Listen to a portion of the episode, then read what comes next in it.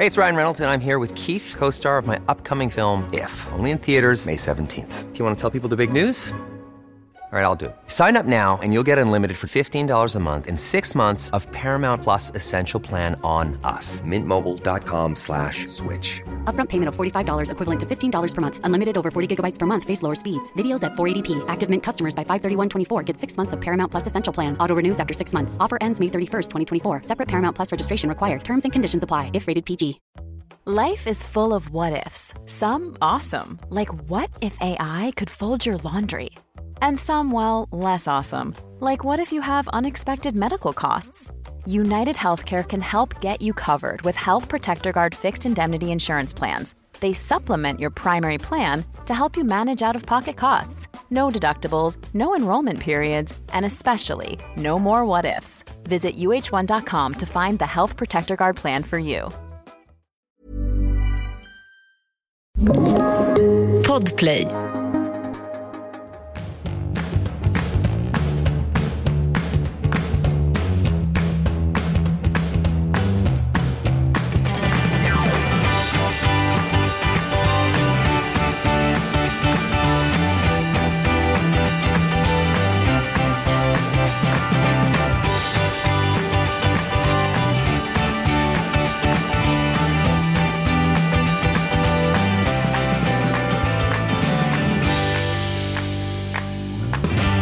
Då sitter vi då här och nio, min lilla hummer. Du vet vilken revansch jag fick. Du tyckte att jag var så jobbig. Nej men Men alltså, så, var det så tight, så bra. Det var liksom, folk skrattar om man inte skrattar så mycket. Typ.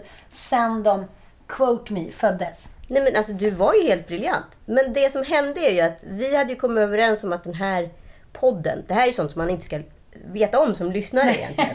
det. Nej, vi, vi hade ju kommit överens om att den Vi här outar oss. ja, podden skulle liksom landa i att du var ute som Odysseus på en odyssé och skulle hem till Ithaka, alltså, vilket var din systers dop.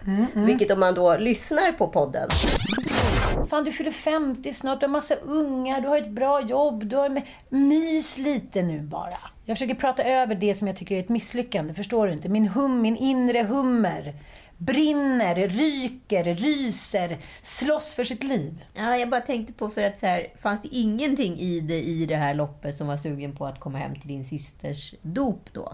Kände du aldrig, liksom, bortsett från hummern då, ber om ursäkt redan till den inre hummern? Kommer aldrig mer till Nej, hummer. nej. Hur du sen, utan att ha informerat mig innan, vilket hade så underlättat själva hummergrejen, helt plötsligt började prata om att du ska vara en hummer som tar revansch. Och det var väl lite där det gick fel. Sen saxade vi bort ungefär 20 minuters hummersvamleri. med liksom teorier som inte riktigt hängde ihop och sådär. Men det Det beror på hur man ser det, om de hänger ihop. det blev ju jätte, jättebra. För du hade ju en jättebra historia. Vi ville ju bara förstärka den så att det skulle blivit rätt. Men hummen blev ju bra. Men vi fick klippa en del. Mm, men, men hummen var ju. Den var ju en, ingivelse. Det händer dig då och då har jag förstått. Men det är mycket det där med humrarna. Jag är fascinerad av humrar. Ja, men det hade inte gjort någonting om du hade informerat mig om den fascinationen innan. I och med att du inte hade nämnt någonting om en hummer. Nej, jag, jag har dolt den mycket väl. Ja, din inre hummer. Mitt skaldjursintresse. Ja. Ja, men det blev Ja, ju det en är jättebra roligt. podd till Jag är så slut. sugen på att göra show igen. Jag vet, jag Tycker med. ni att vi ska göra show igen? Humrarna anfaller kanske den ska heta. Du ska alltid komma på det där innan du har satt Jag vill programmet. så gärna få gå ut på scen i en hummerdräkt. Det är Du bara får vara räka. Vi, vi gjorde ju en grej med en hummerdräkt. Vi gjorde ju reklamfilm, kommer du inte ihåg det? Va? Kommer du inte ihåg det? Vi gjorde ju reklamfilm hemma hos dig där du hade hummerdräkt. Men var den bra? Nej, det, den var ingen Nej, bra. jag tänkte... Nej. Jag vill ju ha liksom the shit hummerdräkt. Med autentiska fingers. Jo, jaha, du menar dräkten? Jag trodde Ja. du menade reklamfilmen. Nej, Ja. reklamfilmen var bra. Hummerdräkten var jättebra. Den var ju superbra. Ja, hur, eh, jag måste ju säga att det har varit så mycket i helgen. Men, men jag har varit inne och kollat på din Insta. Har du inte alls. Ljudskata. Jag låtsas att jag in på din Insta. Nu har jag varit inne på din Insta. Men eh, alltså, du verkar ha haft en underbar helg. Vad har du gjort? Nej, men jag har ju varit nere i Skåneland. Alltså jag har ju blivit halvskåning nu senaste tiden, får ni bara funderat. Eh, Du, du älskar nu Skåne. Nej, men jag har älskat Skåne alltid. Jag hade kompisar som hade hus i Baskemölla förr i tiden, så var där så ofta jag kunde. Och sen blev det liksom en paus på några år. Eh, så var jag och Kalle nere ett par gånger i Skåne och sen så började jag och Joel åka till Skåne för typ två år sedan. Och eh, nu är jag väldigt så här, sugen på Skåne.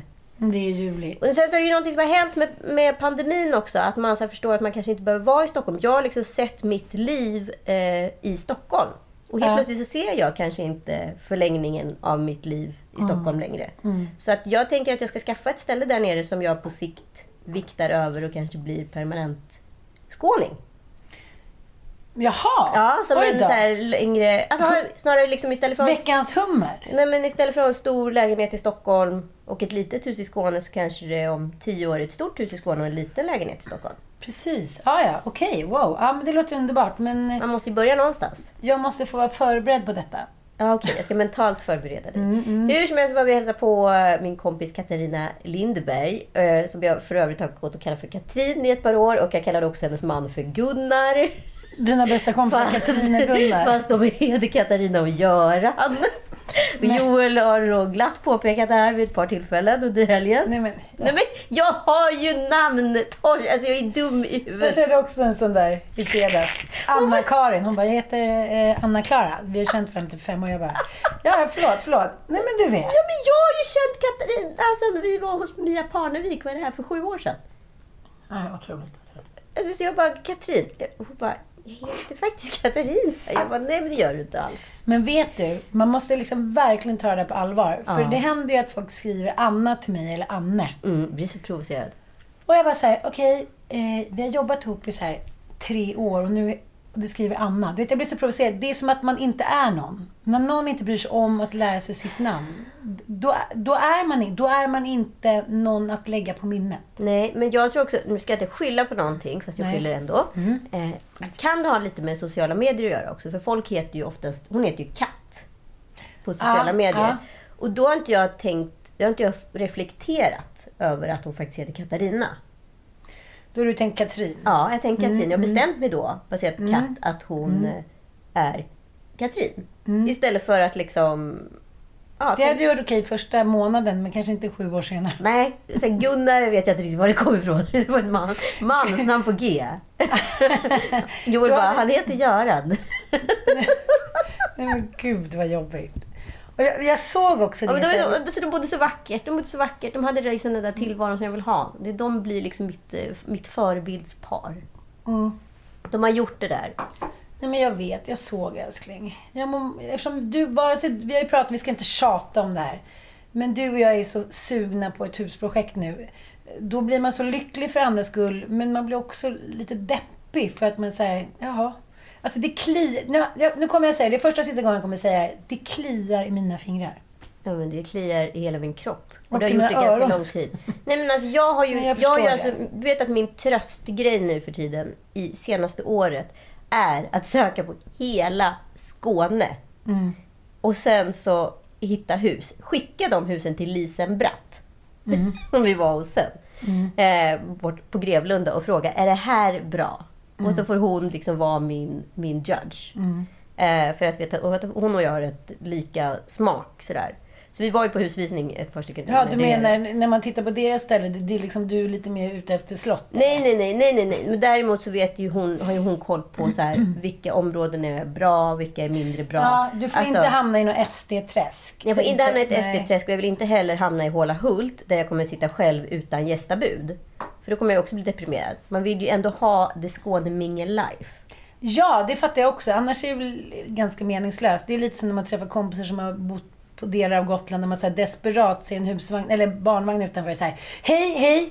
Det är inte roligt att inte vara en del av ett socialt liv. Särskilt inte på sommaren när man tänker så här, nu kör vi. Nu ska vi kompensera för hela, hela året. Så bara, jaha, det är jag och Agda och det kan ju vara jättekul men hon är ju inte intresserad av att umgås med en.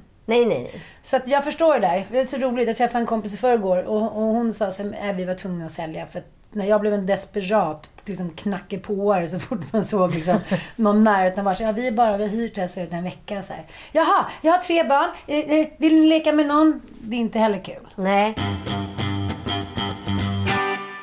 Vi är så glada för att även den här veckan så är vår samarbetspartner Gubbe och Gubbe är en fantastisk tjänst som kommer från Finland och som nu finns över hela Sverige där du kan eh, ja, anlita via den här tjänsten en ungdom som hjälper ja, någon som du älskar eller någon när och kär som kanske behöver lite extra hjälp hemma eller bara behöver någon att prata med i dessa post-coronatider. Och det har ju varit en otrolig utmaning för eh, hemtjänsten och även för oss som har nu äldre liksom, ja, släktingar. Nu har min pappa gått bort men annars skulle jag tyckt att den här tjänsten var otroligt bra och eh, till exempel han hade väldigt svårt att gå på slutet. Kanske han kunde fått lite hjälp och gå ut och promenixa eller hjälpt till att laga lite mat. Det där är väldigt individuellt. Ja, eller bara som din pappa var. Han är ju extremt social. Att bara ha någon att sitta och snacka sina gamla anekdoter med. Han är ju, liksom, var ju en historieberättare utav rang. Eh, men det är ju väldigt många där ute som så här, har blivit väldigt isolerade och blivit drabbade utav ensamhet oavsett corona eller inte. Liksom. Men eh, jag tycker att Gubbe har liksom gjort en sån stor skillnad för liksom, mig och min mammas relation. För att Isabelle kommer dit och liksom hjälper till med det här lilla, känsliga, praktiska. Jag, jag har inte möjlighet att åka oftare än liksom en gång i kvartalet i bästa fall. Eh, och då är det ju så, går det så pass lång tid eftersom min mamma är dement att hon hinner ju gl- glömma bort mig. Och då tycker jag att det är jätteläskigt till nästa gång jag ska åka dit. Och så värjer jag mig och så blir det liksom ett jätte, jätteproblem istället. Och nu har jag, tack vare Gubbe, liksom fått en bättre relation med min mamma. Det här var ju liksom en sidoeffekt jag inte såg komma innan jag började med tjänsten. Men nu är vi så jäkla glada och pepp och har, jag har ju varit helt euforisk här. Så nu har vi tillsammans med Gubbe ett så jäkla fint erbjudande till er. Det är att ni får alltså tre veckor helt gratis utan bindningstid. Om ni bokar ert eh, besök på se.gubbe.com slash lillelördag. Underbart. Så då kan ni alltså testa den här tjänsten och jag tror inte att ni kommer bli besvikna. Man läser på hemsidan ja, människor då som har testat tjänsten och eh, det verkar finnas en otrolig oro för ens nära och kära runt om i Sverige. Och särskilt om man kanske bor, som någon berättar, bor 100 mil från sina morföräldrar. Det är som sagt det är svårt att få till livspusslet och det har inte gjort det lättare med Corona. Så det här är en fantastisk tjänst som gör att ungdomar i dagens Sverige får jobb och äldre får ett bättre liv där de faktiskt blir bevisligen lyckligare. För det blir man om att vara, vara nära någon, även om det inte är ens barn utan ja, någon som bryr sig om en. Så är alla människor liksom. Precis så. Gå in nu på se.gubbe.com slash lillelördag med O. Så kommer ni direkt till erbjudandet. Stor lycka till på er gubberesa. Lycka till! Men jag gjo- gjorde ett roligt experiment i bilen på väg hem från Skåne. Då lyssnade vi på alla de poddarna som låg på topp 10-listan och så ratade vi dem, vad som var bra och vad som var mindre bra med dem. Eh, och en bra grej var exempelvis att ha ett personligt anslag som ändå är inkluderande för nya lyssnare. Så nu tänker jag att då ska vi adaptera det. Så, så här, hej alla nya lyssnare som eventuellt lyssnar på oss. Så vi inte bara blir så initierade hela tiden. Vi heter Lille Lördag och vi är en podd som pratar om samtiden, familjeliv och eh, eh, samtidsspaningar kanske man kan säga. Ja, men också som du sa, lite nostalgia. Vi försöker liksom se varifrån man kommer och vad det leder till och vad man kanske kan ändra på, det som man inte vill att det ska leda till. Vi pratar ju om relationer, sex, bara det, det är det mesta, men vi är ju en samtidspodd, det måste man säga. Jag kommer ihåg när vi började podda, eh, de få som då hade börjat podda, vi var ju bland de första faktiskt. Mm, faktiskt. Men han är så försiktig när han går in. Han är Vi så måste rädd. ändå klippa bort det älskling. Så att Jaha, okej. ja. Jag har ju fått såna jävla bastningar när jag har hållit på med disken och grejer. Hej. Hej Ann! Hej, Hur är läget? det är bra. Vilken mysig helg ni Har, han, har du mustasch? Va?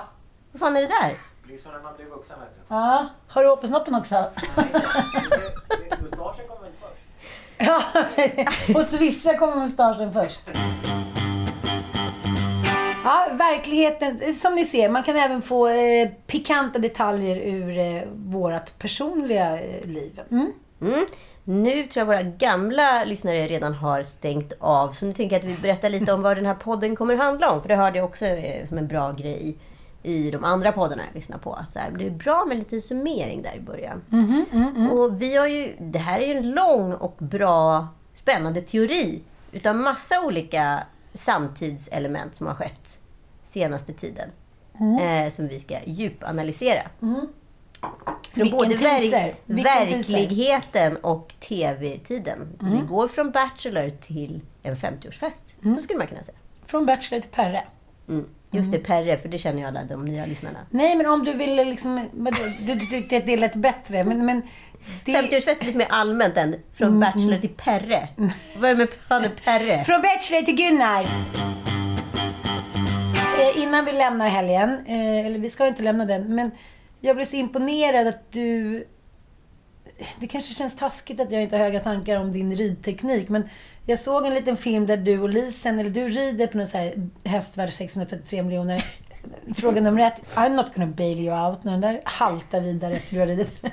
så taskig. Det gick ju jättebra ju. Ja, men så bra. Du var så duktig. Jag, jag blev nästan sugen på att eh, prova själv. Nej, men alltså jag, jag, jag hade ju Lisen eh, som lärare. Lisen Bratt Fredriksson. Eh, och hon var jävligt bra såklart. Det är ju det hon gör. Hon är inte ridlärare, men hon är ju väldigt bra på det där med djur. Och hästar framförallt. Men det är ju väldigt åtråvärt för nästan alla tror jag att kunna rida vackert. Det finns ju någonting... Ja, Jag vet inte. Det, det, det är någonting överjordiskt över det. Precis som att så här, de som rider eller spelar tennis eller kan spela piano. Det är någonting som jag tycker utkristalliserar sig när man blir lite äldre. Vad man tycker är så här the shit. Estetik. Ah. Det finns ju något med ridningen. Jag har ju lite så små problem fortfarande, men det handlar mest om rutin. Jag har ju inte ridit så mycket. Nej, Så jag kommer nej. ju sätta det. Jag vet ju om jag säger kör liksom tio gånger till, då, då är, kommer jag vara en habil ryttarinna. Jag har ju också då eh, förstått nu att här, mina tre äldsta söner, eh, eller de två äldsta, men de kan, ja, de kan liksom varken spela eh, tennis eller eh, paddel. Och jag tänker så här, det är ändå bra för skillsen att kunna vara lite vad som helst i världen. Eller vara på tillställning, umgås över ja, klasser, inte vet jag. Och kunna dra en paddel eller en tennis. Liksom, det behöver inte vara så här, gud du är bäst. Men Vara med i sammanhang. Precis. Och det som jag försöker förklara för dem, det som hände när de växte upp var ju att eftersom deras pappa var ointresserad av idrott och sport så fick jag liksom välja ut ett par grejer som jag kunde mäkta med själv. Tillsammans med Köris då. Eh, min pappa skulle hjälpa till, men det gick inte så bra. Och då valde jag så okej det jag mäktar med är då eh, skidåkningen och fotbollen. Och sen fick det vara lite så här, ah, nu ska vi testa brottning, boxning, bla bla bla. Men jag tänkte så här, jag, jag, kände så här, det är det jag mäktar med. De två kommer jag hålla i. Vilket att det kanske inte blev så mycket tennislektioner. Och nu ska jag då försöka eh, lära dem padel och tennis. Ska du göra det på egen hand? Nej, men vi har haft liksom, eh, vi har haft några lektioner. Men nu i helgen så hade jag bokat upp en tennistid och en paddeltid ute i Bromma. Och Dante är ju liksom fotbollsspelare sen typ fyra års ålder. Så att han... Dante är då Ans eh, yngsta 15. son från Ja, första, kullen. Mm. Så att han är ju liksom ett boll, liksom, han har ju bollen i sig, så han drämmer ju på. Men de andra, alltså förlåt, men ja.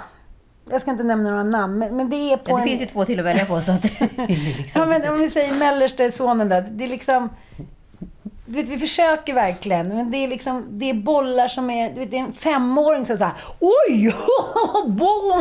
Och timme efter timme. Det är så här, så blir han förbannad, så ska han klä av sig tröjan och så börjar alla bråka med alla och jag står där och säger Var snälla mot varandra nu, var snälla mot varandra. Oh, helvete vilket harveri det är. Ja, Ja, men jag kämpar på i alla fall och det är mysigt att göra någonting med barnen. Men, men det, jag känner det, man måste ju börja tidigt om man ska bli bra på någonting. Om man inte har mycket tid eller är liksom... Precis, och med de bevingade orden, man måste börja tidigt om man ska bli bra på någonting, ska vi raskt ta oss in i datingens näste via Bachelor. Jag heter Sebastian, jag är 28 år gammal, bor i Södertälje och jag är årets Bachelor. Känslan av att vara kär är ju helt fantastisk. Jag älskar ju det här pirret i magen när man eh, tänker på en viss tjej eller när man ser henne. Och det är någonting jag verkligen vill känna igen och det, det tror jag verkligen jag kommer få möjligheten till här. Ja, det är sant! Svenska Bachelor är igång och självklart kommer ju vi här i Lille Lördag cover it. precis. Eller hur Ann? Ja, ja, absolut. jag måste ju också säga att jag träffade ju Björn då, Hedensjö, som är terapeut i eh, Vi eller aldrig. Vi eller aldrig. Och på den här festen i lördags. Och vi känner varandra lite grann. Men jag, jag, såg på honom att han, han undrade varför jag under hela sittningen, under middagen, så tittade frenetiskt på honom. Så som att han och jag hade någonting ihop. Och, så här. och när jag kom fram såg jag nästan stressad ut. Liksom. Jag bara, måste bara säga att jag och Anita pratat om, om eh, Vila aldrig, vi tycker det är så bra. Han var så här, sänkt axlarna. Jag vet inte om, om han trodde ett, att jag skulle ragga på honom. Två, att jag skulle säga att, eh, att det var ett skitprogram. Men ingenting av det stämde. Väldigt kul bara. Väldigt roligt, väldigt roligt. Hur som helst, vi tycker om att prata dejtingsåpor i det här programmet. Och eh, nu är det ju liksom, har det ju varit gått några avsnitt den här veckan då, utav Bachelor och även eftersnacket. Tjejerna berättar allt och jag har ju såklart kollat på allt. Eller hur Ann? Ja, det har du också. Det har jag med. Genom dig. ja, Ann kommer kolla på allt. Men jag tror att det här är bra att jag inte har kollat på allt nu, för då behöver inte lyssnarna känna sig exkluderade om de inte har gjort det. Nej. Men, men nästa avsnitt ska jag kolla på allt. Ja, jättebra. eh, det som har- är ju det spännande första momentet, det är ju själva introt då. De här killarna, det är två killar. Vi har Sebastian och Simon som är årets Bachelor. Förr i tiden var ju det här rika knösar. Det, så är det inte längre. Nej, så är det nej, inte nej, okej. Utan vi Nu har är det. Gunnar och... Ja, men nu är det Gunnar och Göran. De är jättefattiga. Ja. nej, men jag fattar. Det, det är inte så här att man känner nu har jag gjort mitt, nu har jag gift in mig i adeln. Så är det inte. Så är det inte. Det, det är ju ett feodalskt datinglandskap som har plockats bort som en komponent ur leken. Eh, det som ändå är intressant för att det som sker i datingens spår på det här sättet det är ju att du blir kär i en pappdocka. Det här är ju en kille som är formulerad utav en redaktör. Det här är ju någon, de har ju skapat en form av utopiman. Den, jag skulle kunna säga, jag lovar att det är ungefär samma sägningar på alla bachelors genom alla tider. Bara att de ändrar utseende beroende på hur själva bachelorn ser ut för året. Och så kan man bli förälskad i honom. Men han säger ju rätt, vad ska man säga så här, jag tycker om havet. Alltså förstår du? Han säger rätt, Ja. rätt ordentliga plattityder. Så får du själv så här värdera vad du har. Så här, Lite "Åh, jag som prins också-" Daniel. Ja, Han, lite. de har gått i prinsskola. De har gått i bachelorskola. Precis. Jaha, det låter inte så roligt tycker jag. Nej men det är roligt. För att det som händer är ju egentligen hos kvinnorna. Det går ju nästan inte att göra den här serien med massa män. De har ju haft de här problemen tidigare, i alla fall i castingvärlden. Att så fort det är ett gäng snubbar som åker och ska dejta en tjej, så slutar det bara med att snubbarna blir polare och eh, inte alls eh, blir så intresserade av att ge målet i fråga. Men i tjejernas fall, här sätter biologin in. Det är det som är så jävla spännande med den här typen av dejting. Det är snygga unga tjejer mellan liksom 20 och 30 som alla blir besatta. Det blir så jävla arketypiskt för människan. Alltså det går inte att få in liksom jämställdheten i, i när liksom biologin sätter in. Ja, de, liksom, de ser de här heta hunkarna och, och, och skiter i om de är pappdockor. De vill bara fortplanta sig. De vill bara fortplanta sig och de blir galna Men om jag de känner inte igen får det. fortplanta sig. Jag känner igen den där känslan från en viss ålder. Att jag var så här, det spelar faktiskt inte så stor roll. Men den här snubben hade ju bra flonkalonk och verkar smart och cool enligt andra. Ja, sätt på mig och gör mig på smällen. Men det som är en stor skillnad i år, eh, som jag upplever jämfört med tidigare år, så ska jag vara väldigt tydlig med att jag inte har stenkoll på alla säsongerna. Men det är att här märks det att Tinder har kommit in i leken. Okej, har du något exempel? Ja, men exempelvis pratar tjejerna i de här eftersynkarna, som det heter, de här små mini-kini-intervjuerna, eh, om att om han inte vill ha mig, då är han inget bra. Om de inte vill, alltså du vet så här, de pratar om sig själva som att det är bara de som väljer och att det är den där killen som är på andra sidan appen, eller nu i det här fallet Simon eller Sebastian. Om de inte vill ha de här tjejerna, som är helt fucking förträffliga enligt dem själva, då kan de dra åt helvete.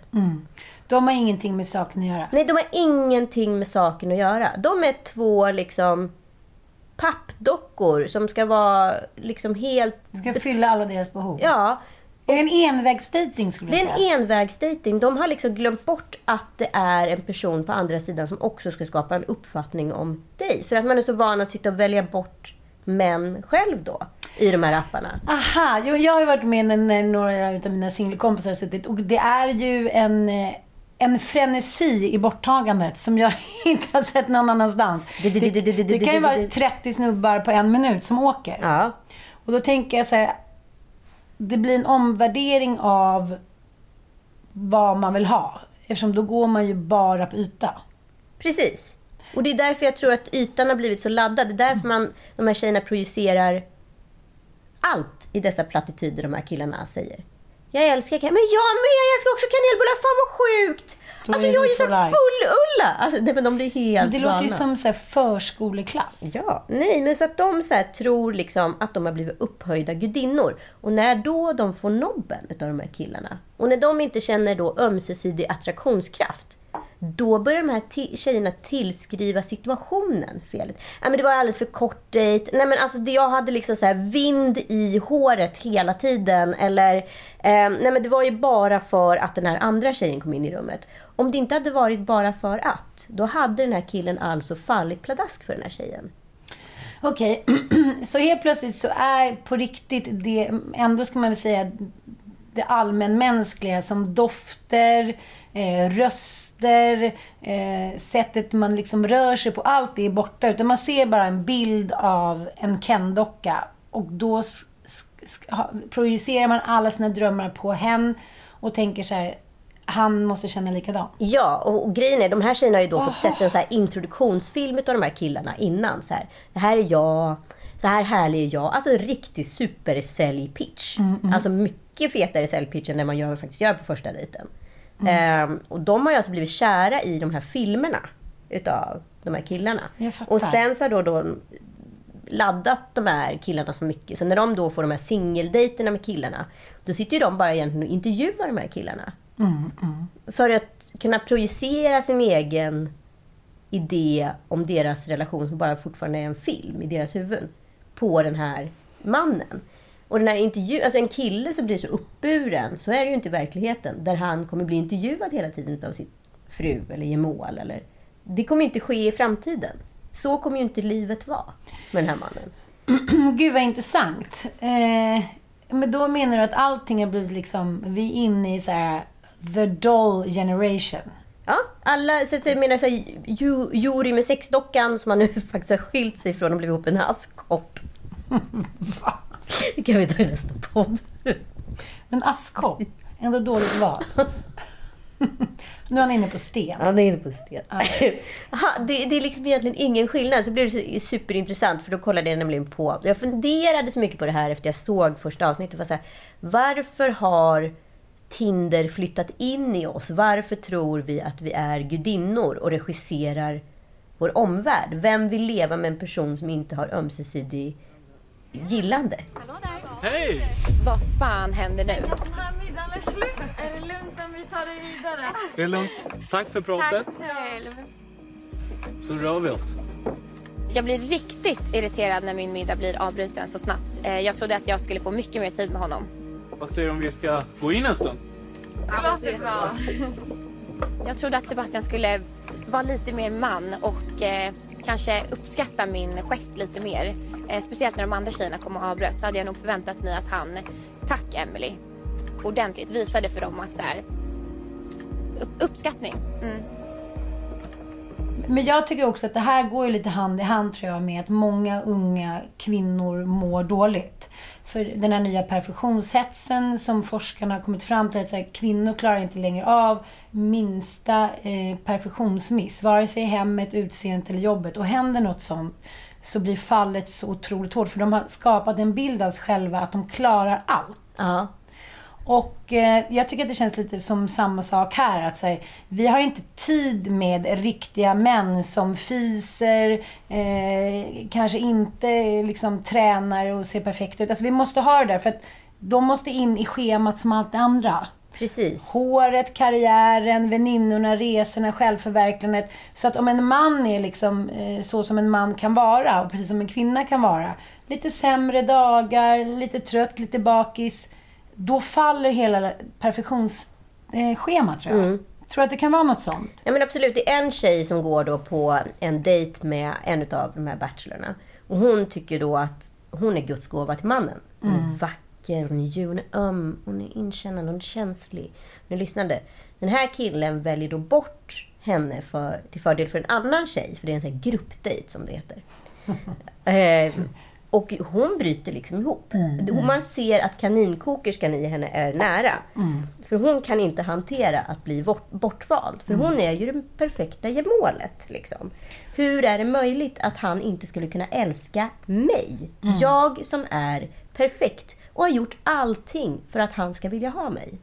Men det är väl också med den, den här nya generationen tjejer, att de är inte förberedda för att negligeras. Det var en kompis till mig som sa på en middag häromdagen att hon börjat på ett nytt jobb och får då, eh, hon har varit chef innan, så här, nu får hon liksom då ja, men, ja, men, feedback på det hon gör. Mm.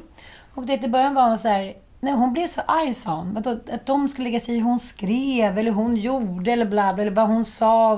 Men det är ju ett Uber-samhälle liksom. Precis, hon var så här, men det här, nu insåg hon så här, hur nyttigt det här är. Är det det? Eller är det inte det? Ja, men hon menar så här, Är det självutvecklande eller är det självförgörande? Jo, men dagens unga människor kan ju inte ta liksom, någon feedback att, att de skulle kunna göra någonting bättre. För de uppväx, växer ju upp med att de redan från början är perfekta. Och det är därför det är så många unga tjejer som mår dåligt, kommer till psyket för att deras killar har slut och vill liksom, ta sina liv för att nu har någon lämnat dem. Och psyk- psykologer säger vi kan inte ta emot det, vi har många som mår mycket sämre. Det kommer hända i ditt liv. Det kommer vara fler killar som kommer tjejerna att de inte är kära i dig. Och det kommer vara killar som du inte kommer vara kär i. Det är bara så livet är. Det är livets Hantera, cykel. det är inte en psykisk ohälsa eller en... Och det här är väl bara förlängningen på det. Att så här, nu har hon bestämt sig att nu vill hon vara med i det här programmet. Och då har hon blivit utvald och då är hon perfekt. Ja, men också tillbaka till liksom eh, Tindergudinnan, hon som väljer bort. Mm. Hon kan inte bli bortvald. Nej, nej. Och det här blev så intressant för jag kollade på Charlie D'Amelio show som är då, Charlie D'Amelio är TikToks största stjärna.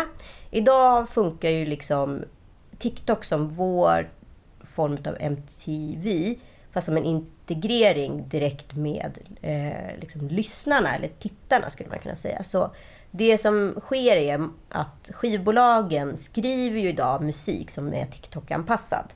Mycket slingor som ska funka och vara catchy och man kan sätta upp en dansrutin till eller och så vidare. Och då skickas de här slingorna då direkt från skivbolagen till Charlie D'Amelio som är då störst på TikTok.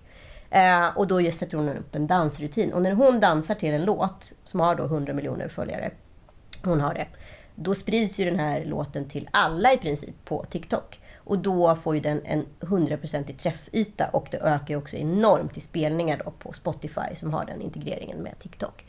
Eh, och du kommer högt upp på listan. Så det finns mycket ekonomi i det här. Wow, okej. Ja, det finns mycket ekonomi i det här. Business. Business. Och Charlotte D'Amelio är ju gammal dansare. Eller gammal, hon är inte speciellt gammal. Hon är 19 år. Rågammal dansare. Eh, snacka om att ha fått makt tidigt i livet. Ja, men hon började dansa liksom när hon var fem år och har gjort massa grejer på det. Och sen så har hon dansat, dansat, dansat. Och eh, sen blev hon liksom TikToks stora stjärna. Hon har också en syster som heter Dixie D'Amelio som har fått extremt mycket skit för att hon är, vad heter det, Charlies syster. Och Charlie och Dixie är ju, och deras familj är ju någon form av en ny Kardashian. Man kan ju se Kardashian om fem år i deras familj. Liksom. Hur den här eh, utvecklingen kommer ske. Och deras show har precis börjat sändas på Netflix. I am Charlie D'Amelio. You might know me from TikTok. Can you ever really imagine a hundred million people?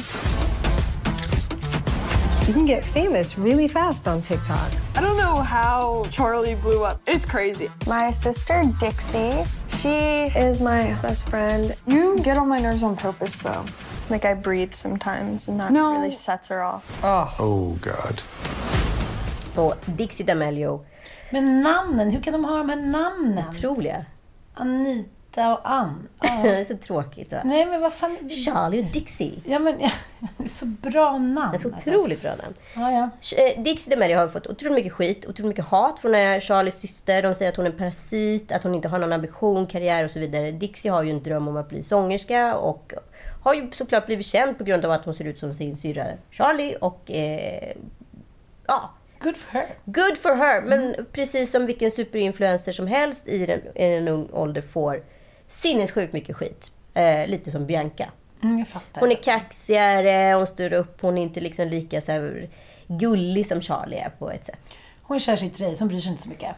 Påstår hon, men hon gör ju det jättemycket. Hon sitter ju och hulkgråter i serien av allt skit hon får. Såklart. Onda unga människor. Eh, ja. Däremot så säger då Dixie någonting som fick mig att fastna på det här som då blev intressant kopplat till själva Eh, Bachelor-serien.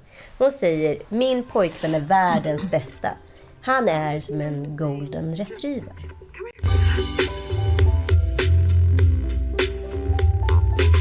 Noah is probably one of the sweetest guys I've ever met. Like, if you think of a perfect boyfriend, like in a movie, it's him. Everyone calls him a golden retriever. He's literally a golden retriever. He's just so happy to be like here and Mm. Gud vad roligt! Då kan jag faktiskt gå tillbaka lite till den här 50-årsfesten jag var på. För där träffade jag min första stora kärlek. Och han är faktiskt... Äh, han är nog lite mer kanske en labrador. Han är mörk. Han är liksom... Han heter Perre. Och eh, jag har känt honom sen sedan jag var typ 14. Och det är någonting sensationellt med honom. För det spelar ingen roll om det är en femåring på Gröna Lund, en 92-årig tant, kvinnor i 40-årsåldern. Alltså, alla älskar Perre. Han är liksom... Han är så här, det vinnande konceptet, men inte ett hot. Nej, inte ett hot. Han är inte ett hot mot de andra männen på festen. Han är inte ett hot mot den här tanta Loran. Han har liksom ett öppet hjärta. Och han finns där hela tiden. Det kanske blir lite struligt ibland hit och dit. Men han är liksom... Det finns ingenting bakom ytan. Han är så här, the good dog. Ja, för jag blev så himla så här ställd, eh, charmad och provocerad i ett utav hennes uttalande om en pojkvän som en golden retriever. För golden retrievers liksom personlighetsdrag är ju att den är väldigt liksom, snäll. Mm. Den är ju, Familjekär. Den är ju programmerad, genmanipulerad för att vara en god hund. Mm. En familjehund. De har ju plockat bort allting som heter jakt ur Mm. den hunden. Liksom. Men den är ändå väldigt söt och glad. Ja. Eh, och då tänkte jag så här, är det en bachelor? Jag fattar. En söt och glad hund som viftar på svansen och sen kan bara de här tjejerna projicera allt på de här killarna. För att de kommer ändå bara sitta där och klappa dem på huvudet och vara där perfekta. Se bra ut, sätta på dem, krama dem när de är ledsna och så vidare. Och sen så går Trygga man, och sen går man ut och och går och goda. sen ligger de framför TVn och myser tills man kommer hem igen. Ja. De, de kräver ingenting. De är bara där. Jag fattar. Så det är det som har hänt med utvecklingen med att kvinnor och eh, tjejer gasar ifrån männen ännu mer. Är att vi, det vi, behovet som vi tänker att vi vill ha av dem är att de inte liksom har jättestort behov av att göra karriär, bla bla bla. Utan de, eller menar du att det, att det är golden retrievers med stash? Ja, det är det jag tänker. Att så här, du ska som man idag inte ha några liksom, åsikter om någonting för många kvinnor. Jag lyssnade nämligen på den här P1-dokumentären som har varit rätt omdiskuterad som heter Manskvällen nu på väg ner till Skåne.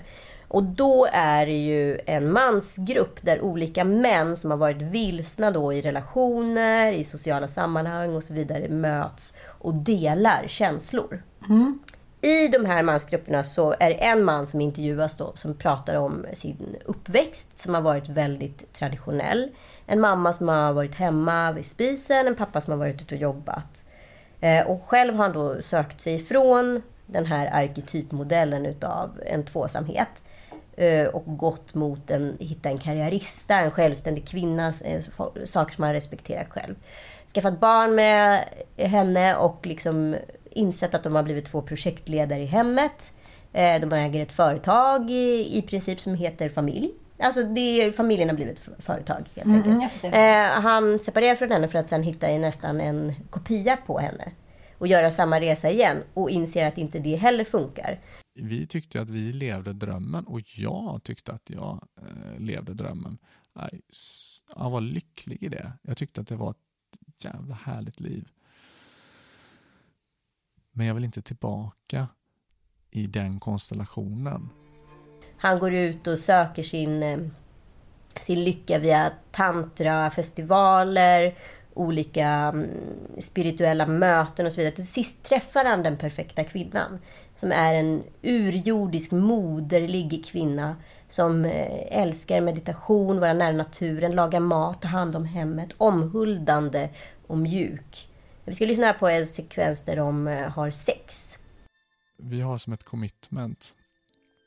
Vi har sagt att för oss är mötet viktigt.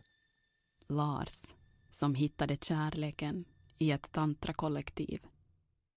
En gång om dagen, på, ofta på kvällen, så, så möts vi och ligger lite bredvid varandra. Min kvinna har ett behov av att berätta vad som har hänt under dagen. Och det är ett sätt att komma ner i, i varv. Och så kanske jag berättar lite. Men sen så älskar vi. Och det handlar inte om att vara upphetsad. Det är ingenting jag vill fram emot eller så som man gör. Det finns inget behov av mig i att göra det, utan det är ett commitment att varje dag så gör vi detta.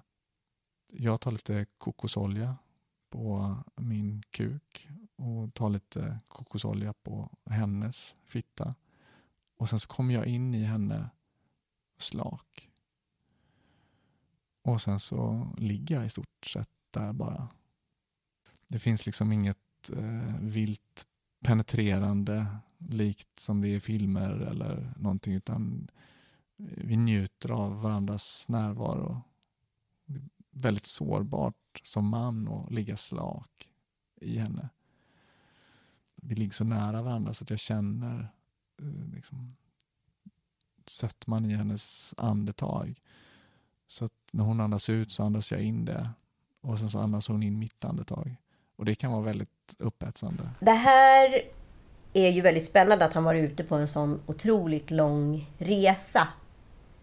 Med tanke på att han egentligen bara gör precis det han har blivit fostrad till. Mm, tillbaka till modern. Tillbaka till modern. Och hur hotande de här manslika kvinnorna är. Mm, mm. Jag, jag, tror tyvärr inte att vi har kommit så långt från det klassiska begreppet madonnan och horan som ändå kanske kyrkans värderingar på något sätt har befäst genom liksom, tusentals år. Jag och min äldsta son Ossian satt ju eh, i bil eh, några timmar häromdagen och då lyssnade vi på menar, olika sorters hiphop-låtar och eh, låtar. Det var ju mycket så här Eh, men så här, she's a hoe, she's never gonna be a wife, bla bla bla. Väldigt mycket så här, ja, det, det är inget fruämne i, i henne. Som, liksom, förstår du vad jag menar? Mm. Och jag bara känner så här, men gud, det, det är ingen skillnad. Det är fortfarande så här, horan, madonnan, tjejer som man ska gifta sig med, tjejer som man kan här, ligga med bara. Självständiga tjejer är ju fortfarande ett hot. Det är jobbigt att vara tillsammans med tjejer som ställer krav. Det är ju det och det är ja. det man blir väldigt tydlig, eller får tydligt berättat för sig i Bachelor också. Att så här, arketypen när det kommer till dating är den går inte att rubba. Biologin går inte att sabba. Hur mm. mycket jämställdare vi än blir. Mm. För vi, när vi väl väljer så kommer vi tillbaka till någon form av ursprungsval. Samtidigt så blev jag så otroligt fnissig när jag lyssnade på hela den här mansgruppens samtal. För att jag var så här, gud det här är precis som när vi kollade på Killinggänget, de här sexiga brandmännen som satt och pratade om känslor. Eh, det var ju någonting som liksom var ironiskt och humor för liksom eh, 20 år sedan. Men det var alltså Johan Reborg som är då, har huvudrollen i Solsidan och sen så Schyffert. De startade det här då, Ironisk TV. Och det här skrattade ju... Och vi pratar alltså om Killinggänget och Glenn Killing i manegen och det här är då Nile City. Det är inte så att de flesta killar inte fattar att killar också har känslor att vi måste snacka om Josh, som hade varit på Killar Kan-seminarium förr, hade genast ett svar till Cameron.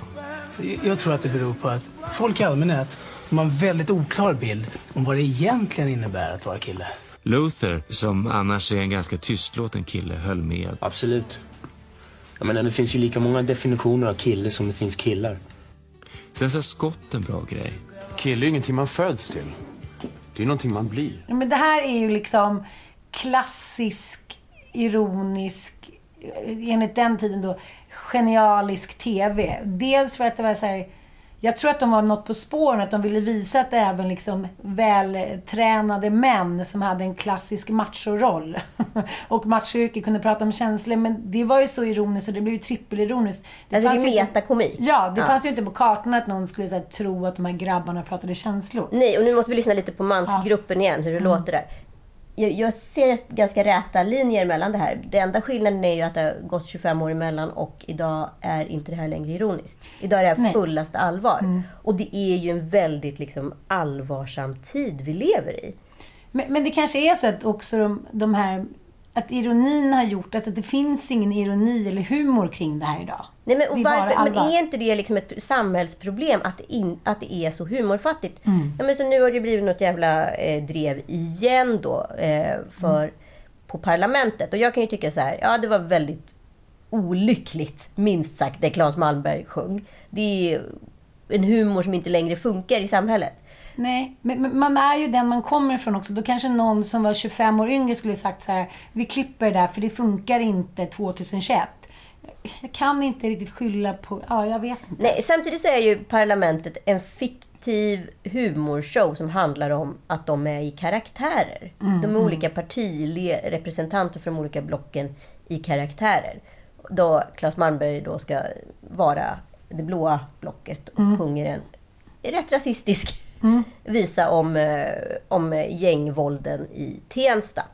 Och eh, Petra Mede fyller då i och säger att så här, hennes langare har dött. Hon får inga droger. Där har ju alla barnvisor har ju ändrat text och här har jag fått från en, en, en liten god vän till mig.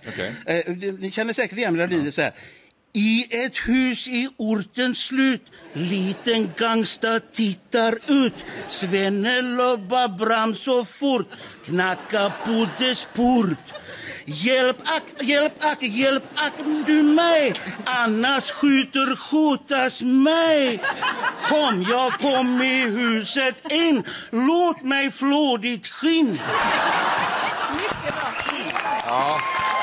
Det var inte jättegangster. Alltså det är så många offer och det blir så otroligt mycket lidande. Tack Mm. Olof för att du håller med mig. Mm. Eh, alltså, i, I lördags till exempel, då sköts en langare precis utanför min port. Ja. Så jag fick ju inget på hela helgen. Det här har då skapat någon form av cancel culture-situation runt Petra.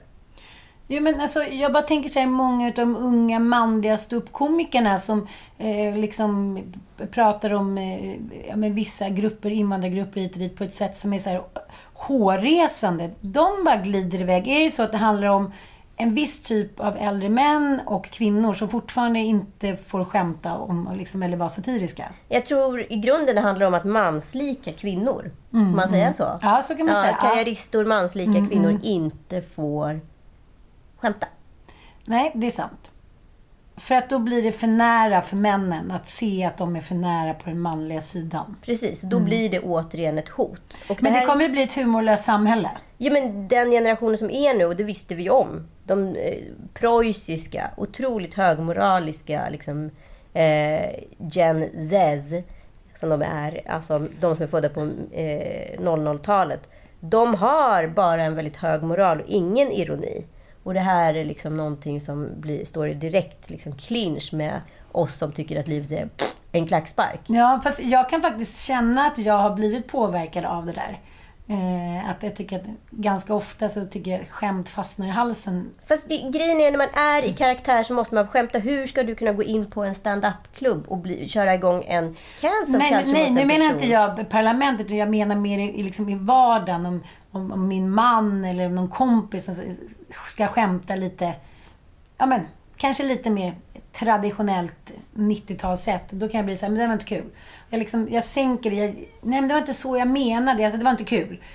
Att man har kanske det där i sig ändå, att här, det har förändrats. Men, men komiker, ja, det är svårt alltså. Nej, men jag vet inte, det är, så här, är det liksom... Är skämtet dött?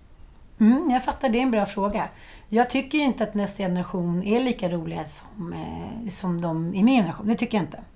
Nej, nej. Nej, och jag tror att det har mycket med den sociala mediekulturen att göra. Att allting kan förvrängas, förändras, vridas. Man, man liksom måste vara på sin vakt. Och jag tänkte på det när jag var på 50-årsfesten nu i helgen också. När jag ser alla mina gamla polare.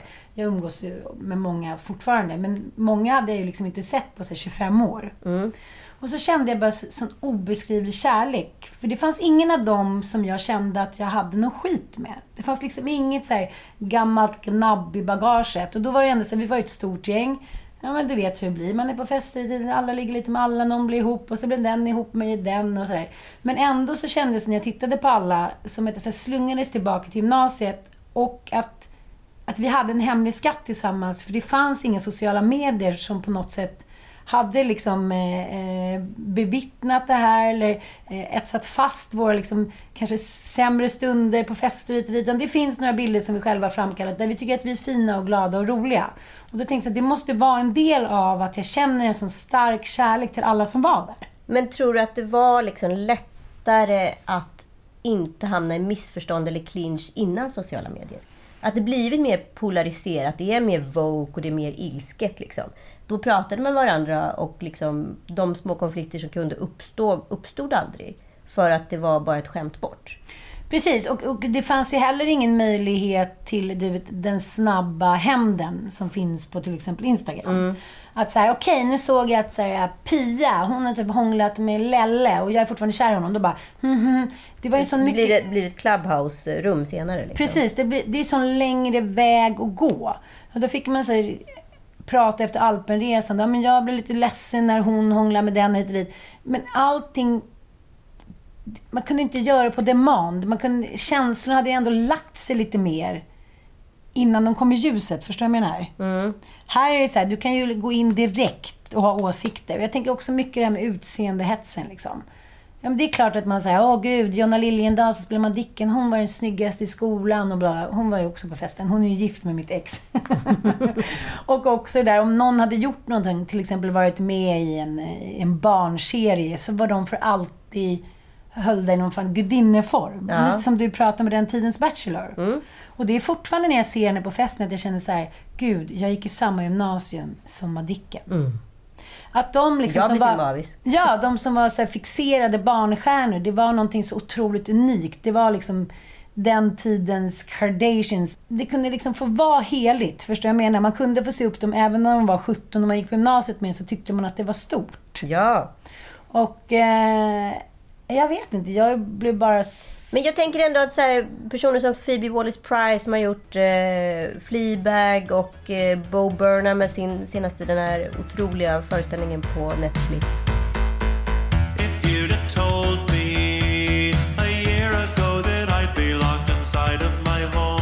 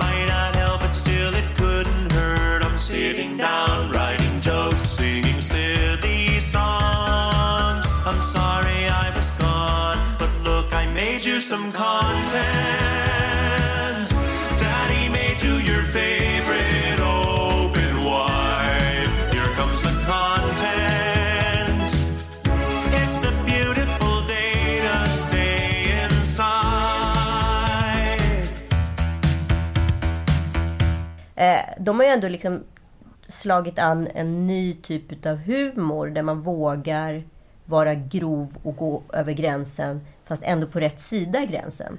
Handlar det om åldern att göra? Är det en åldersaspekt i det här? Att, att hårdheten som liksom vår generation och de som är ännu äldre än oss eh, har. Det är den tonen som måste tvättas bort. Ja, men jag fattar, men jag tänker så här, när kvinnor har till exempel haft en tv-serie eller framställts eh, ja, men i filmer och tv som liksom tuffa och crazy och lite bananas. Då har ju det fått vara liksom knaskvinnor. Just det. Jag tänker till exempel på tv-serien Sally som gick för så här, ja men nu vet jag inte ens så länge, men säg, är det 15 år sedan? Då var det Maria Lundqvist, skådespelerskan, som spelade Sally. Och hon framställdes ju då som en icke-motorisk, ja, men, könsneutral, Trocadero-bottnad, crazy banana som man ändå skulle känna sympati för. Mm. I natt var det en spännande dröm. Men oftast har jag bara tråkiga drömmar. Jag är aldrig ute och flyger eller slåss mot monster. Ofta handlar det bara om att jag går till posten eller kokar ägg. Eller går till banken eller steker ägg. Ja, det är lite olika. Men en gång hade jag en annorlunda dröm. Jag var Agneta Fältskog en hel natt. Men det hände inte något speciellt för hon var 11 år och satt och tittade på TV i Jönköping. Jag hade ju hellre varit Agneta när hon var 21 och satt och tittade på TV i Australien på ett hotellrum. Tänk om man hade fått se Björn Ulvaeus komma ut ur duschen med en handduk runt midjan. Ja, det är kanske det som kallas för våta drömmar. Det har jag aldrig haft någon. Men det kanske bara är badvakter och sjömän som har det. Eh, det var på det sättet så här, ja, man, fick, man, fick, man har fått vara egen liksom, i media och man framställs också som inte ett hot. Utan någon som inte är ett fruämne. Precis. Men nu nästa generation kan ju både vara fruämnen, tuffa och få synas. Och det är väl det som gör också att det blir svårare för männen att skämta på andras bekostnad. För det är väl så humor eh, har sett ut. Men jag var med om en ganska smärtsam eh, situation i veckan nere på ICA.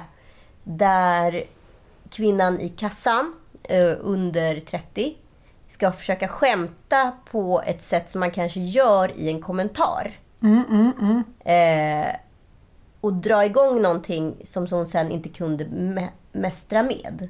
Jag fattar, jag fattar, jag fattar. Alltså hon sitter i kassan och killen som handlar, jag har precis handlat klart, jag håller på att packa i min påse.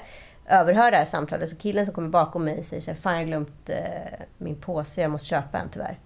Och då säger tjejen i kassan så här, ja, och Miljöpartiet får bestämma så finns det väl inga påsar snart alls att köpa. Och han bara, ja men det väl rätt bra. Och hon hamnar då i liksom någon form av så här politisk Mm. debatt som hon egentligen inte mäktar med. Hon ville bara säga en catchy phrase som Mm. var lite rolig och samtidssmart på Fattar. ett hopplöst problem. Så humorn kommer den polit, det blir, allting blir politik och då kan humorn direkt dödas med liksom in the name of politik. Ja, så, så här, han bara, fast det väl rätt bra. Hon bara, "Eh, ja, jag har ju bara en massa såna här eh, flergångspåsar hemma nu. Han bara, ja, jag med. Aha, ja, du vet, och det ja. började harvas på Mm. där och kämpas på. Och han blev ju också lite så här triggad utav hennes liksom självsäkerhet. Mm. Precis som tjejerna i Bachelor. I hennes så här, jag vet bäst, så här Mm. är det. Så han ville ju utmana henne lite och hon var inte alls beredd på den utmaningen. Man såg svetten lacka i pannan. Gud, det här är ganska intressant. För hon missbedömde ju hans utseende. Han var ju inte den som han utgav sig för. Han var en Mm. kille i kostym. Så hon tänkte väl att det här är någon som är blåvinge och liksom eh, inte slår, slåss för miljön. Liksom. Det är en skåning. Ja.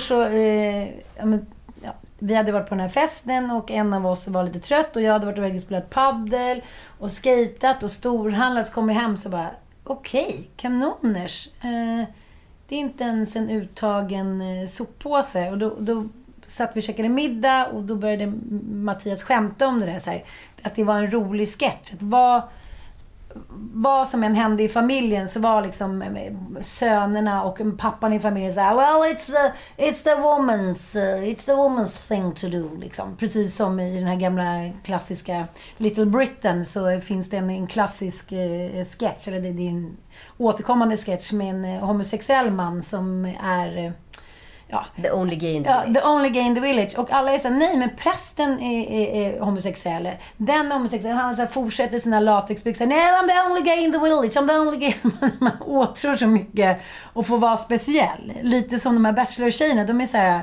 Vi är ju så exklusiva, så hur kan någon inte vilja ha oss? Vi är gudinnor. Precis. Vi är the only gay in the village. Ja, och det, det, jag förstår vad Mattias ville komma, att det var roligt att sen, kvinnan har tagit över så mycket, så var det, nej så orkar inte, men de bara såhär She's taking care of the car because she's the only girl in the village, typ. Och de sitter kvar och petar sig i näsan. Men du säger men det är inte roligt, säger jag. För att det är ju så det är. det måste ju finnas någon liksom... En edge. Det måste, finnas, det måste finnas en förhöjning av humorn. Typ som vi tyckte då att det var helt vansinnigt att sexheta eh, Brandmän. brandmän skulle prata känslor. Ja, vi skrattade sig väl på dö. Ja, precis. Men Det var som galenskap att de var så heta och gick omkring. Det ansågs ju då, inom citationstecken, nu säger jag på 90-talsordet så ingen blir bögigt. Att Mm. prata om känslor. Eh, och han var så här, men du förstår inte. Jag sa nej. Och då märker jag att då blev jag precis som tjejen på ICA och killen. Att jag säger, fast det är inte roligt, ingen förstår. För att det är ju så det är. Nej men jag menar inte så. Det är bara så här roligt att vi här hemma, så här, och vad han ville komma, och till slut kände jag så här, nu måste jag ge honom då, att det kanske kunde ha blivit kul. Fast jag, jag kunde inte längre tycka att det var humor. Jag var humorlös. Men har du tappat humorn för att du är rädd i en samtid fylld av icke-humor?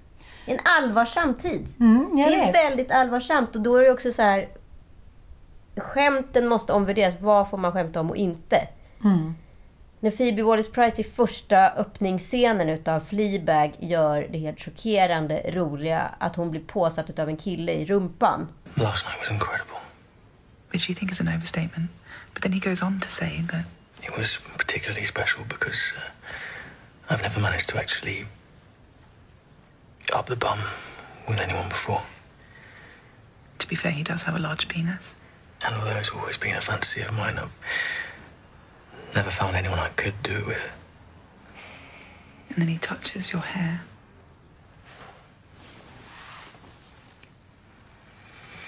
And thanks you with a genuine earnest. Thank you. It's sort of moving. Then he kisses you gently.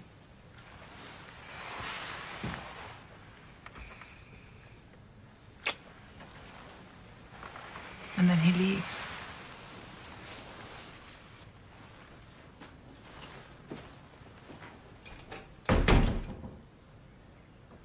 And you spend the rest of the day wondering Do I have a massive asshole? Det är så roligt och grovt och på rätt sida på något sätt. Jag fattar, jag fattar. Eh, och då tänker jag ändå... Det har vi liksom, alla känt. Ja, det har vi alla känt. Då, då, tänker, då tänker man ju Utan att ändå... vara ironiska. Varför kan hon klara det när ingen annan kan klara det? Var, är det var, är, var ligger hennes briljans? Mm. Är det för att hon är på rätt sida 30? Eller har hon slagit an en ton som är mycket smartare än... Jag, jag, tror jag att- tänker humor nej. måste förfinas också. Det är det jag menar. Jag tror att så här, humorn måste idag vara så mycket smartare än vad den var på 40-talet, 90-talet. Sen så finns det ju, ja men hela och halvan. Ja men det är klart att det finns geni, liksom genidrag hos dem också. Så här. Vad roligt. En är tjock, en är smal. De är tokiga. Alltså jag menar inte att, men den måste ju också med dagens, i dagens samhälle där alla kan lite om allting så kan man ju alla på något sätt slå ner på vad som inte är humor. Ja, men va- men men- är man då lite smartare, som ändå...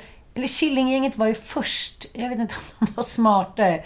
Men de var ju smartare eftersom de var först. Ja, men de var ju är först. pionjärer. Ja, och hon, är ju också först. Ja. Men, men det... Jag blev så sugen på att se den där scenen. Ja, den är så rolig. Mm. Nej, men det jag ändå tycker är så märkligt ändå blir ju också att det blir en hyperdemokrati där alla ska ha en åsikt om allt. Mm. Ska alla verkligen ha en åsikt om allt? Måste vi dreva om Petra Mede? Är det inte bara ett skämt och sen går vi vidare? Varför ska det här påverka liksom politiken, samtiden, världshistorien, allting? Är det viktigt? Lika viktigt som att jag fortfarande... I morse fick jag... Jag ska knulla dig och din mamma. Mhm. På grund av det här jackan. Nu har det gått tre veckor. kan bli en tråkig Ja, tillställning. det var jättetrist faktiskt. Mm. Mamma är ju också jättedement. Så Mm. att det, jag undrar hur det Får man skämta om det nu? Jag får väl skämta om det, eller? Nej, jag vet inte. Nej, jag har ingen aning heller. Nej, jag- jag ingen tänker aning. ändå att det vore väldigt spännande hur han då skulle approchera min mamma Mm. med att så här, hej, eh, jag skrev till Anita här på Instagram och jag har ju sagt nu att jag, jag ska knulla dig. Så jag tänkte bara, om du vänder upp dig Om du har en jättestor bruna. här så, så, så kör vi igång. Eller vi bestämde att vi inte skulle göra en avstickare till eh, svenska powerkvinnor på Viasat. Eller Viaplay. Nej, men du gör den då. Är det här en hummer vi har? Nej, det, det är en liten räka bara som jag snabbt kastar in på, på drinkbordet. Nej, men det är då Dr. Mona, Laila Bagge, Antonia Man, Mantonia heter hon va? Ja. Mandir. Ja, men Camilla Läckberg och Keyyo. Mm. Redan som liten så var min stora dröm att bli författare. Jag har sålt 28 miljoner böcker. Jag har varit den typen av mamma som jag har velat vara. Jag är läkare, hjärnforskare och entreprenör. I Marbella, där får jag komma ner i varv. Skål! Skål! Jag jobbar med allt som jag tycker är roligt. Hur häftigt är inte det? Nu känner jag att jag verkligen hittat lite vem jag vill vara. Svenska powerkvinnor premiär 7 september på Viaplay och TV3. Och där får man följa då de här powerkvinnorna kvinnorna i deras vardag. Mm. Ja. Jag menar, själva liksom, intresseanmälan är då att vi ska, känna, vi ska lära känna de här fem kvinnorna på djupet i införsäljningen. Mm. Ja, det, det, det, det, är ju- det, jag känner att det här är mer kanske en serie som ska inspirera kvinnor plus 40 som du sa. Mm. Mm. Ja, men det här är ju liksom för, det här är för Gun på gräddhyllan i Mjölby som ska känna sig, åh vad de är fräsiga. Mm. Hon är cool, hon läckbär. Ja, och så kanske de också eh, Vet jag man pratar vågar Mjölby, förverkliga en dröm. Mm. Det, jag tycker det, det är jättebra. Men, men jag lägger inte in så mycket värdering i det. Men så skrivs det då en recension om det här. Eller det skrivs ju många recensioner. Och det här är väl kanske ingenting heller som någon har ut, liksom gått ut med att det här ska vara det mest djuplodande stora som har hänt svensk eh, tv-streaming. Utan det är en serie om de här fem, som vilken reality som helst. Ja men hade det hetat då Svenska Hollywoodfruar? Ja. Eller så här, svenska, nu, för det här är väl en, liksom en förlängning på Hollywoodfruar fast det är i Sverige. Det är kvinnor som lever oerhört glamorösa liv med men med hårt arbete Absolut. som differentiering istället för att vara en hemmafru.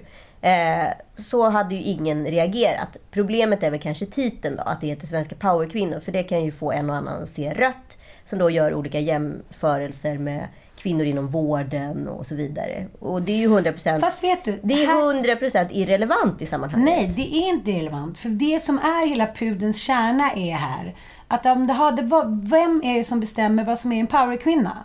För 80% av, av kvinnor som lever i Sverige tycker att de här kvinnorna är mycket mer power än många andra kvinnor som på pappret är svenska powerkvinnor. De här kvinnorna har mycket mer influencing på 40-talskvinnan Bettan eller Lena eller Ann Söderlund ute i landet än vad många andra så kallade powerkvinnor har. Jag ska inte nämna några namn, inga nämna innan glömda. Så att egentligen är det helt fel. De är svenska powerkvinnor för de flesta kvinnor. Mm. Är du med mig? Absolut. Och jag trodde nu att, nu att du var rädd att du skulle halka in något oironiskt träsk här och förlora humorn. För att jag tycker ju personligen att jag blir ganska fnissig utav den här serien. Ja, men jag tycker den är småputtrig och jag tycker också att det är bjussigt att man inte behöver vara så här. Hej, vi är perfekta kvinnor som alltid... Liksom, det är lite vardag, men alla vet väl att det här också är liksom stylat och fixat. och Det är vad det är. Man får hänga med de här i deras vardag och det är varken mer eller mindre. Det är inga bråk, det är inga intriger.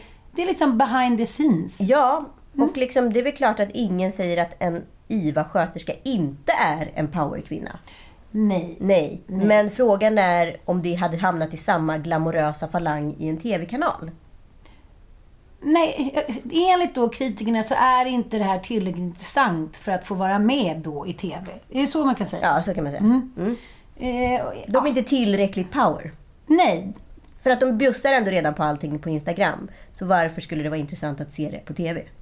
Men vad då som att inte Kim och de gör det? 100 procent. Vadå alla de som kan tänka sig att visa sitt privatliv i, liksom, i en TV-serie gör ju redan det. Annars skulle man ju inte göra det. Nej. Prinsessan Victoria skulle inte göra det. Nej. Och hon behöver inte heller. Nej. Ja. Hur som helst, jag tycker att man får tycka vad man vill och jag förstår liksom both sides. Men sen då skriver den utmärkta skribenten Saga Kavalin eh, en liten recension om det här. Som i övrigt jag eh, tycker är fantastisk och följer slaviskt. Men då undrar jag så här, varför måste man känna känslan av att så här, man får hacka på de här för att de inte har fått Nobelpriset i litteratur. Och jag tänkte på det häromdagen, jag måste göra en liten eh, historisk jämförelse med eh, Pernilla Wahlgren. För att jag kommer ihåg en krönika i DN eller Svenskan som skrevs om henne där det var så här, väldigt mycket sparka neråt om hennes utbildning, intellekt, väskor, bla bla bla. Sen blir barnen större, hon är liksom inte inne i sin jävla skilsmässobråk och allting utan hon inser så här, vad ska jag göra nu för min karriär? Hon bara, jag lierar med någon som är jävligt bra på det hen gör. Och det gjorde hon i form av Edvard af och Johan eh, Promell. Precis. Och då helt plötsligt så gör hon några bejublade shower som är supersmart. Hon bjuder på sig själv. Hon visar sig från sin allra bästa sida. Att hon är liksom ett fullblodsproffs. Och då helt plötsligt så har någon skuffat över henne på rätt sida kreddhavet. Då är hon liksom, då är så här, hon flaggan i topp och då är det inte en jävel som kritiserar henne. Och det bestämmer ju också de som är kreddiga. För då kan man ju inte, om man hoppar på Pernilla, då hoppar man ju även på hennes familj. Precis, och eh, herr Silén liksom. Och det är synd för han är ju råsmart. Han har ändå den där genren i musikal, bla bla bla. Så det gäller bara så här att liera sig med rätt person. Och det är förmodligen då enligt ja, kritikpöben inte Simon då. Eller någon annan. Men är det, Det är då... för enkelt tycker jag. Det är liksom... Men är det då för att de här kvinnorna, eh, Läckberg, eh, Bagge etc. De tar ju illa upp. Pernilla Mm. tar ju inte illa upp. Hon Nej. är ju som en gås nu Mm, för tiden. mm, mm. Man kan ju, det går liksom inte att sänka Pernilla Wahlgren för hon är liksom Queen Elizabeth, det vill säga hon är inte Titanic. Hon är liksom det osänkbara skeppet. Mm. Hon står liksom över där nu och då är det inte längre roligt. Nej, för hon svarar inte. Mm. Hon skrattar bara. Mm. Hela jävla vägen. Till sin nya snubbe och banken. Och då undrar ju jag, har hon ironi? Tydligen. Men kan man säga så att Pernilla hittat en humor tillsammans med sina, liksom, som hon allierat sig Allierade. med? Ja, eh, som är jävligt rolig, går över gränsen, men som inte hotar något. Är det nya tidens smarta buskis? Slå inåt, sparka uppåt. Men, men jag tror Eller att det- sparka inte alls. Nej, men jag tror att det är det det handlar om när du berättar om den där scenen, att hon blir tagen bakifrån. Det är så oväntat, men man kan ändå identifiera sig. Så har jag känt med de senaste showerna med Pernilla. Man kommer dit och sen ser plötsligt så är det så här nakenfilmer på hennes farsa och hennes familj ska sitta och sjunga allsång om vem hon är. Man tror att man kommer dit för någonting, men det blir något helt annat och det är smart och därför så är det ingenting man kan racka ner på. Där är pudelns kärna. Mm. Hon sparkar på sig själv. Hon driver med sig själv. Mm. Det är den nya tidens ironi. Hon driver inte med andra. Det, det de har gjort i parlamentet som var det stora misstaget är att de har drivit de andra lägre stående. De, hon driver bara med sig själv och folk uppåt. Mm. Charlotte Perrelli etc. Mm. Och det blir också roligt för att alla vet hur mycket pengar hon tjänar, hur framgångsrik hon är hit och dit. Och då kan vi skratta med, inte åt. Precis. Det är så man formulerar humor 2021, eller? Ja, enligt dig och mig. Enligt dig och mig. According to Lilla Lord. According to Little Lord. Puss och kram! Puss!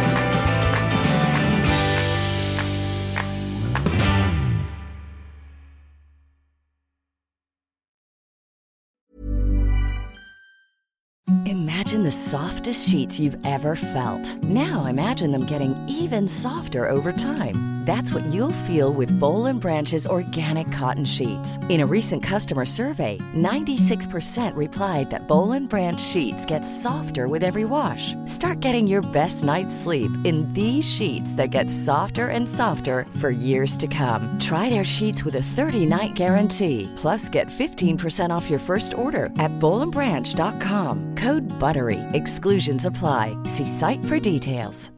Hi, I'm Daniel, founder of Pretty Litter. Cats and cat owners deserve better than any old fashioned litter. That's why I teamed up with scientists and veterinarians to create Pretty Litter. Its innovative crystal formula has superior odor control and weighs up to 80% less than clay litter. Pretty Litter even monitors health by changing colors to help detect early signs of potential illness. It's the world's smartest kitty litter. Go to prettylitter.com and use code ACAST for 20% off your first order and a free cat toy. Terms and conditions apply. See site for details.